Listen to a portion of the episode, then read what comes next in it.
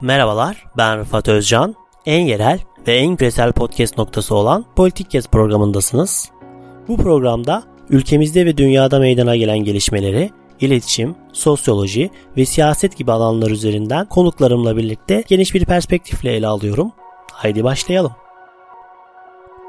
Merhabalar ben Rıfat Özcan. Politik Kes Podcast programına hoş geldiniz. Yine bir podcast makale ile karşınızdayım. Bu bölümde de bir yazımı e, değerlendireceğim. 16 Ağustos 2020'de yayınladığım bir yazı Erdoğanizmler yazısı. Bugün onu ele almaya çalışacağım. Yılbaşından beri aslında planladığım bir şeydi bu yazıydı. Ama 16 Ağustos'a kadar ancak tam e, anlamıyla ortaya çıkabildi. Daha öncesinde Erdoğan ile De Gaulle'ü karşılaştırdığım bir yazı yazmıştım. Onu aslında öncesinde onu sonrasında Erdoğanizm çizimleri yayınlayacaktım ama son yaşanılan süreçten sonra bunu biraz daha öne çekmeye karar verdim. Girişte aslında bu son yaşanılanları da tabii ki kısaca değerlendirmeye çalışacağım hem ama sadece ilk olarak e, hiçbir yorum yapmadan e, sorular sormak istiyorum. En sonda kısa bir değerlendirme yapacağım bu son yaşananları nasıl değerlendirebiliriz bağlamında bu soruları sormak istiyorum. Şimdi 2015-2020 parantezi kapanıyor mu? Onu sormak istiyorum. Yine yine 2015-2020 yıllar arasında medya düzeyinde başlayan değişim tekrardan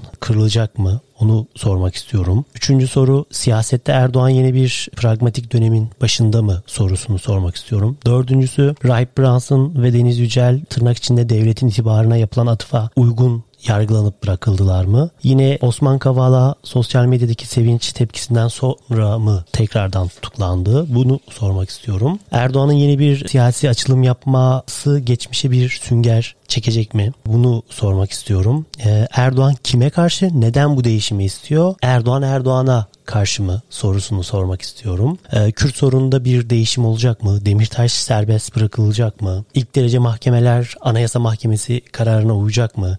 Ee, neden ilk derece mahkemelerine daha önce değil de şimdi e, tepki verildi kararlara uyması için? Son olarak da şunu sormak istiyorum. 10 soru olacak böylece. Deva Partisi ve Gelecek Partisi'nin Covid'e rağmen e, teşkilatlanması, doğuda yüksek oy alma beklentileri ve Biden'ın seçilmesi bütün bu değişimin bir tikleyen süreçlerden olabilir mi? Bu soruları sormak istiyorum. Bu soruları burada sorup burada bu konuyu şimdilik kapatıyorum. Ee, şimdi yazıma geçmek istiyorum. Yani bu yazıyı ele almam nedeni de ben Erdoğanizmler diyorum ve AK Parti'yi 3 farklı döneme ayırıyorum. Yani tekrardan bir e, değişim acaba yeni bir Erdoğanizm mi ortaya çıkacak? Belki ya benim kendi yazım etrafında öyle bir e, tanım olduğundan e, değil. Bunu tamamen ben kendim şu an bir e, düşünce sürecinden geçirmeye çalışıyorum. Bu yazıda temel iki iddiam var. Yani önce öncesinde tabii ki şöyle Rustov e, genel olarak Türkiye modernleşmesini incelerken Türk modernleşmesi tamamını açılma ve kapanma dönemleri olarak ele alıyor. Yani mesela bunu işte belki İttihat Terakki'den başlatabiliriz. İttihat Terakki'nin gelmesi bir açılma, sonrası işte 1913 sonrası kapanma, 20-25 arası açılma, 25-50 kapanma, 50-54,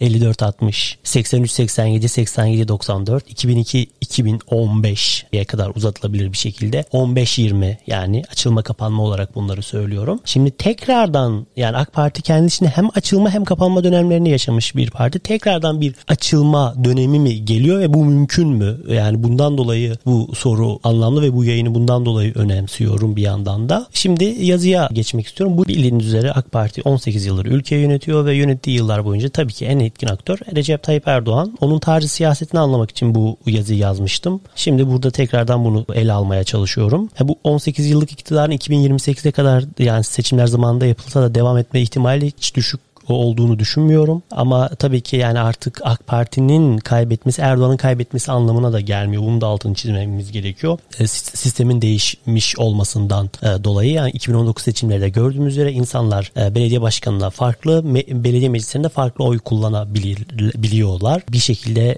kitlelerin bilgeliği tırnak içinde bunu bu şekilde söyleyebiliriz. Kendi kendine bir denge denetleme sağlayabiliyor. Ve bir sonraki seçimde ben de şahsen böyle bir durumun olabileceğini düşünüyorum düşünüyorum. Yukarıda e, farklı bir isme aşağıda farklı parti ve isimlere oy verilebileceğini düşünüyorum. Bundan dolayı da AK Parti'nin çekicisi vardır kanımca. Bunu söylemek istedim. E, genel olarak yani bu yazıda 18 yılda inşa edilmiş bir Erdoğan kültürünü ele almaya ve değişim noktalarını tespit etmeye çalışmıştım. Bu yazıda e, dediğim gibi dikkat çekmeye çalıştığım iki nokta var.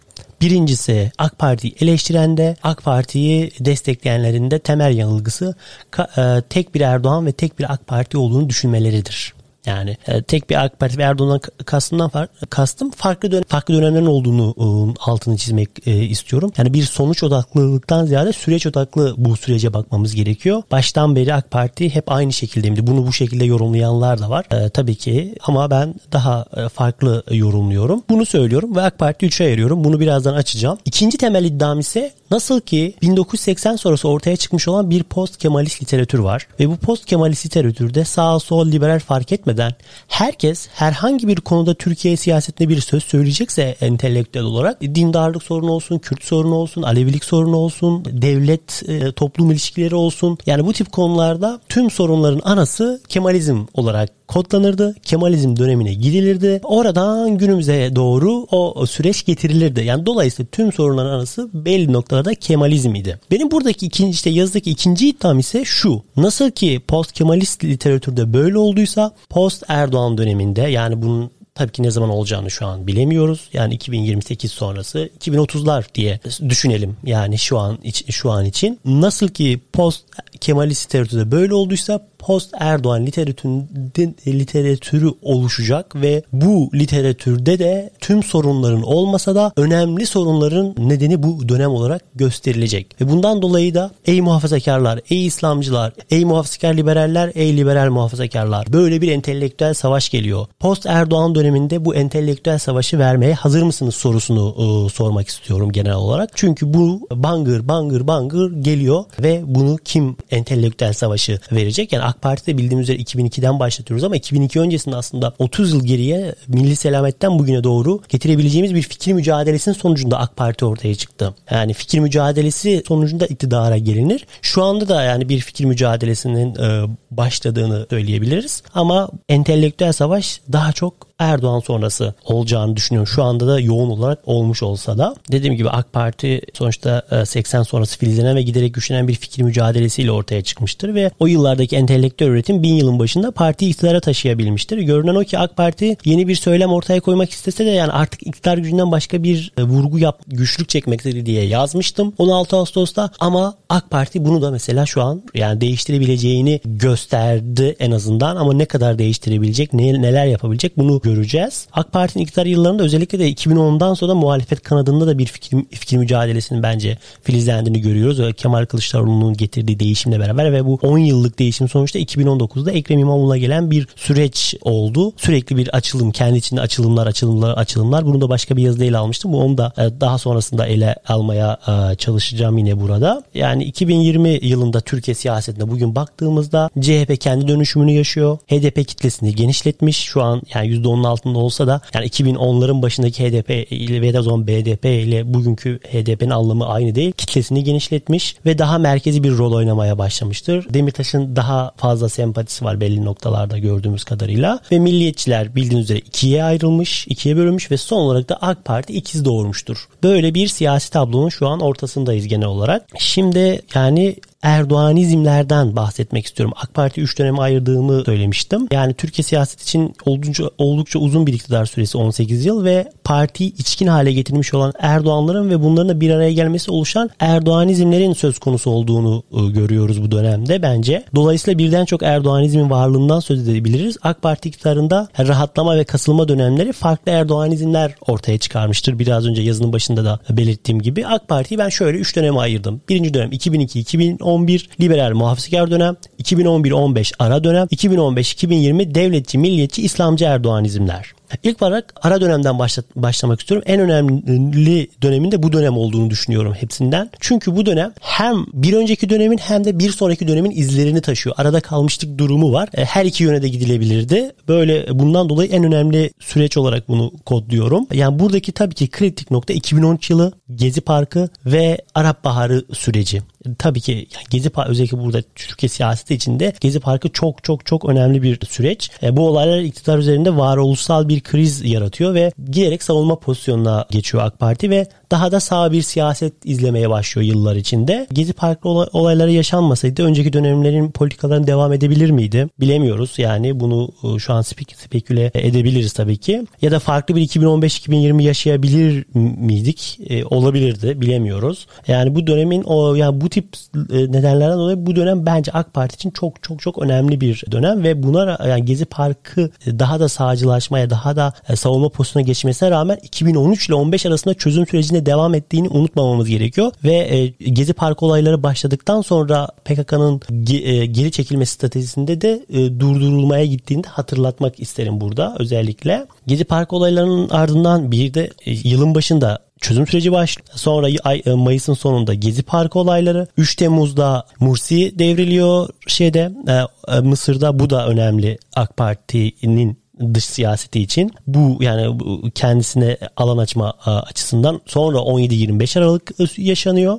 Bu 2013 yılı ondan dolayı bu dönemin tam ortasında ve en önemli yıl ve en uzun yıl bence. Yani bu dönemin e, tarihi ya da belgeseli yaz, yazıl, e, yapılacaksa bu 2013 yılı çok apayrı bir yıl olarak ele alınması gereken bir yıl. Yani o Brandt'ın belgesellerindeki o 93 yılına özel bir bölüm ayırmıştır. Yani bayağı geniş olarak işlenmişti 93 e, yılı. E, bu 93 yıl ya 2000 yani 2013 yılda böyle bir dönüm noktasını e, barındıran bir zaman. Çözüm sürecinin dediğim gibi yani bundan dolayı işte AK Parti iktidarın en uzun yılı olmaya aday bence 2013 yılı ve 2015 yılında da damgasını vuran Hendek süreciyle gidişatın tamamen artık değiştiğini görüyoruz ve çözüm süreci e, Temmuz ayında PKK tarafından Ağustos'un başında da Erdoğan'ın bizzat işte buzdolabına kaldırdık söylemiyle e, tamamen şu an o an itibariyle çözüm süreci bitmiş oluyor. Onu söyleyebilir, e, söyleyebiliriz. Sonra işte ilk dönemden bahsetmek istiyorum. 2002-2011 liberal ve muhafazakar dönem. Ya AK Parti iktidarının ilk iki seçim e, seçim dönemi mevcut rejimle mücadeleyle geçmiştir. İktidarı tam sağlayıp muktedir olamadığı yıllarda dolayısıyla bu yıllar. İktidar olup muktedir, muktedir olamamakla geçen yıllarda parti demokratikleşme ve dönüşüm adımları atarken hem meşruiyet alanını genişletmeye çalışıyor hem de kurulu düzeni e, geriletmeyi amaçlıyordu. 2010-11 sonrası belli noktalarda gücün yönü değişti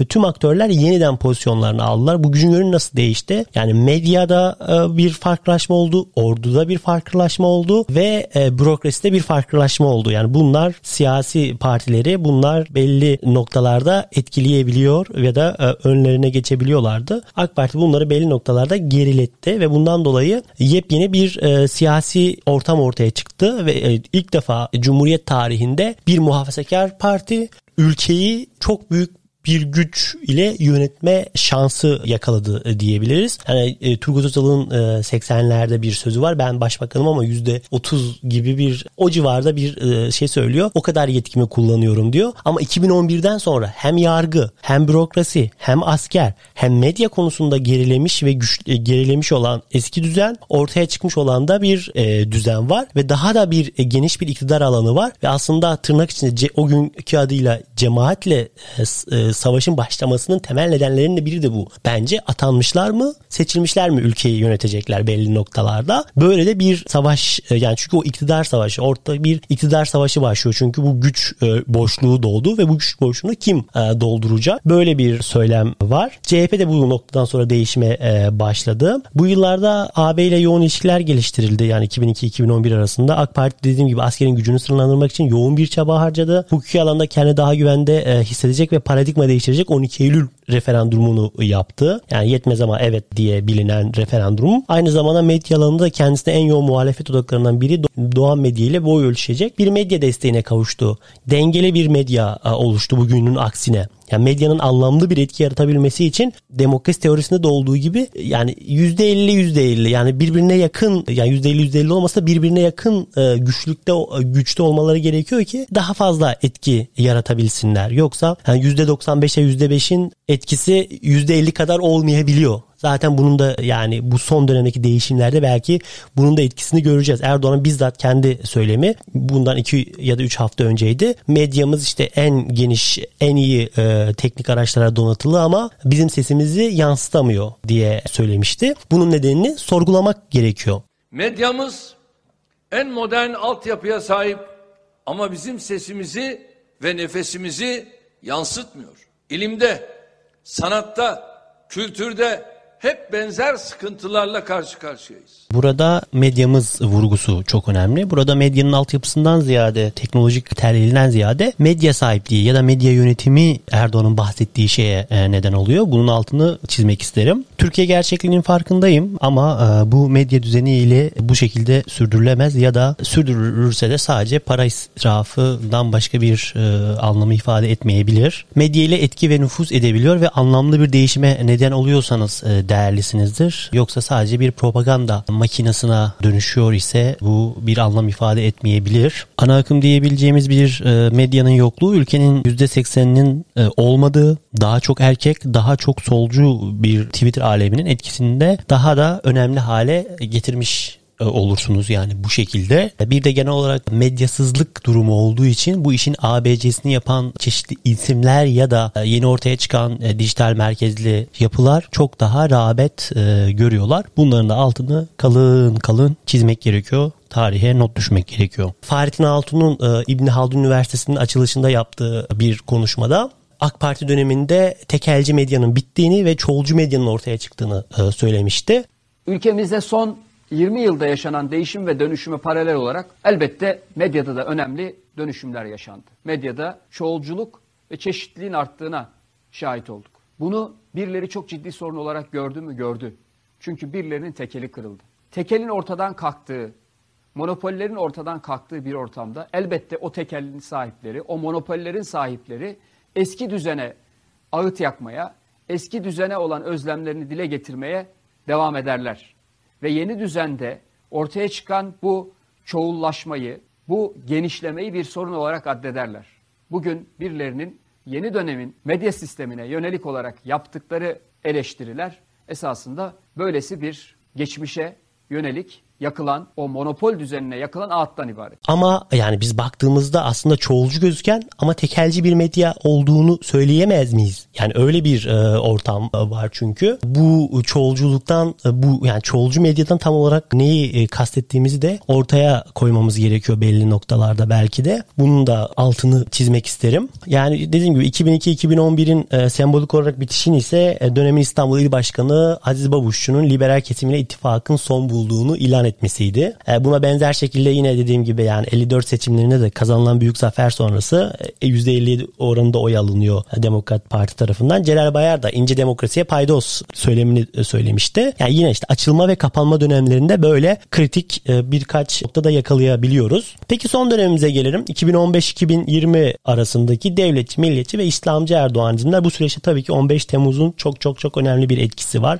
O 15 Temmuz sonrası AK Parti tabanı da ve ve MHP tabanı da e, daha da milliyetçileşti e, belki. Bunun çok önemli bir etkisi olduğunu e, göz ardı etmememiz gerekiyor bence. Ve öncesinde de tabii ki 7 Haziran seçimleri oldu ve HDP'nin seçim meclise girmesi daha sonrasında ise çözüm sürecinin bitmesi bu ve hendek sürecinin başlaması bu yavaş yavaş MHP ile AK Parti'nin yakınlaşmasına yakınlaşmaya başladığı dönemlerde ve 15 Temmuz sonrasında bu daha da e, perçinlendi bildiğiniz üzere. Bu dönemde Hendek eylemleri, işit eylemleri, PKK saldırıları, 15 Temmuz gibi güvenlik vakaları biraz önce belirttiğim gibi halkı da AK Parti'yi daha da milliyetçileştirmiş ve daha da İslamcılaştırmıştır belki belli noktalarda. AK Parti de ayrıca daha da devletçi bir pozisyon almıştır. Yani biz bu yılları hatırlayan insanlar olarak da AK Parti'nin daha önceki dönemlerinde 2007-2008'leri de hatırlıyoruz. 2018-19 20'leri de hatırlıyoruz. AK Parti herhangi bir olayda daha yani AK Parti e, hem e, belli noktalarda AK Parti tabanı hem de AK Parti elitleri herhangi bir şey olduğunda toplum odaklı bir refleks verirlerdi. Artık ama artık hem AK Parti elitleri hem AK Parti tabanının bir büyük bir kısmı devlet odaklı daha düşünmeye ya da bir suskunluk sarmalının içine girdiğini söyleyebiliriz. Bunun altında çizmemiz gerekiyor. Yani etrafındaki baskıdan dolayı konuşamıyor da olabilir bazı insanlar. Ama yani 2008 ile 2018 arasındaki o temel farkı koyacaksak ortaya toplum odaklılıktan devlet odaklılığa geçişi net olarak görebiliyoruz. Şimdi tekrardan bir değişim mi geliyoru konuşuyoruz. Göreceğiz. Ya yani bu nasıl olabilecek? Olabilecek mi? Bu ne kadarını e, yapar ya da yapabilir ya da yapama, yapamaz AK Parti ve Erdoğan. Bunu da süreçinde e, göreceğiz. O zaman ben dördüncü dönem belki 2020-2023 arası diyeceğiz. Ya da 2020-2028 arası diyeceğiz. Bilemiyorum. Yeni bir Erdoğanizm diye yazacağız e, belki de. Yani ben kendi adıma konuşuyorum tabii bunu burada burada. Burada altın çizmemiz gereken başka nokta da Erdoğan'ın da e, AK Parti'nin e, başta yola çıkarken bu yola ulaşmayı e, istedikleri özcü bir yaklaşım la olaya bakmıyorum. E, süreç içinde yaşanan olayların da bunun ortaya çıkmasına neden olduğunu düşünüyorum. Yani işte gezi olayları dediğim gibi Hendek süreci, 17-25 Aralık süreci, 15 Temmuz bunlar AK Parti'yi e, daha da bu otoriter e, tutumlara ittiğini düşünüyorum. Tabii her şeye rağmen farklı bir yol izlenebilirdi ama şu an buradayız, bu aşamadayız. Bir de yani AK Parti'nin liberal muhafazakar damarı da zaman içinde törpülendi ve yani öyle ki liberal tutumlara düşmanca tavırlar bile takınıldı. Yani liberal e, kelimesi bir küfür olarak kullanılmaya başlandı ortamlarda. Liberalim demek ya da liberal demek başka anlamlar e, ifade etmeye başladı. Bunları tek tek yani e, bir tespit olarak söylememiz gerekiyor. Liberal söylemler hem parti hem de medyada mahkum edilmeye çalışıldı genel olarak. E, bunları söyleyebiliriz. Erdoğan dışında bir de Süleyman Soylu hem ara dönemin hem de son dönemin vücut bulmuş halidir diyebiliriz. Hem de bundan sonra gelecek dönemin de muhtemelen Erdoğan'a benzer bir politika izleyecek bir siyasi olacaktır. Belki de yani yumuşama dönemine girilecekse İçişleri Bakanlığı'ndan alınma ihtimali var. Cumhurbaşkanı yardımcısı olabilir ve bilmiyoruz yani. E, bunu tamamen speküle ediyoruz şu an e, bunu. E, dediğim gibi Süleyman Soylu 2015 öncesi her türlü liberal tutumdan yana tavır alan, çözüm süreci paradigmasını destekleyen bir siyasetçiyken 2016 darbe girişimi sonrası başlayan İçişleri Bakanlığı ile son dönemin tüm söyleyenlerin ana taşıyıcılarından biri oldu kendisi. Bunu e, söylüyorum. Yani dediğim gibi bir de yazının başında e, bahsettim. Yani bu post Kemalist literatür gibi post Erdoğan döneminde de e, bu şekilde sorunlar bu dönemde aranacak e, demiştim. Ve e, genel olarak süreç odaklı düşünmekten ziyade sonuç odaklı düşünüleceğini tahmin ediyorum ve ondan dolayı insanlar genel olarak e, 2002-2015 arasından ziyade AK Parti'ye ve muhafazakarlara 2015-2020'yi hatırlatacaklardır daha çok. 2015-2020 bu bundan dolayı çok çok çok önemli bir e, süreç. Ondan dolayı bunu çok önemsiyorum ben. Yani post Erdoğan döneminde 2002-2015 değil 2015-2026 çizilerek anlatılacak ve bundan dolayı bir entelektüel savaş geliyor e, diyorum. Ve bu entelektüel savaşa bu kesimler hazırlar mı sorusunda e, sormak istiyorum. Ayrıca da e, bu yıllar arasında yani AK Parti ve MHP bir ittifak halindediler. E, dolayısıyla AK Parti'nin başarısı ya da başarısızlıkları aynı zamanda MHP'nin başarı ya da başarısızlıkları olduğunda kaydetmemiz e, gerekiyor. Zira iktidar ortak e, iktidar ortaklığı ortak sorumluluk da e, gerektiriyor. Sonuç olarak Erdoğan'ı destekleyenlerin de eleştirenlerin temel yaklaşımlarından biri 18 yılda tek bir Erdoğan ve tek bir AK Parti'nin var olduğunu düşünüyor olmalıdır başta dediğim gibi. Farklı Erdoğan izlenimler söz konusu olduğu için bir önceki dönemdeki Erdoğan'ın söylemiyle bir sonraki dönemi eleştirmek bir şey anlam ifade ede etmeyebiliyor. Çünkü farklı e, paradigmalar ortaya çıkmış e, bu durumda. Yani birden fazla örnek verebiliriz, çözüm sürecini verebiliriz. Şey liberal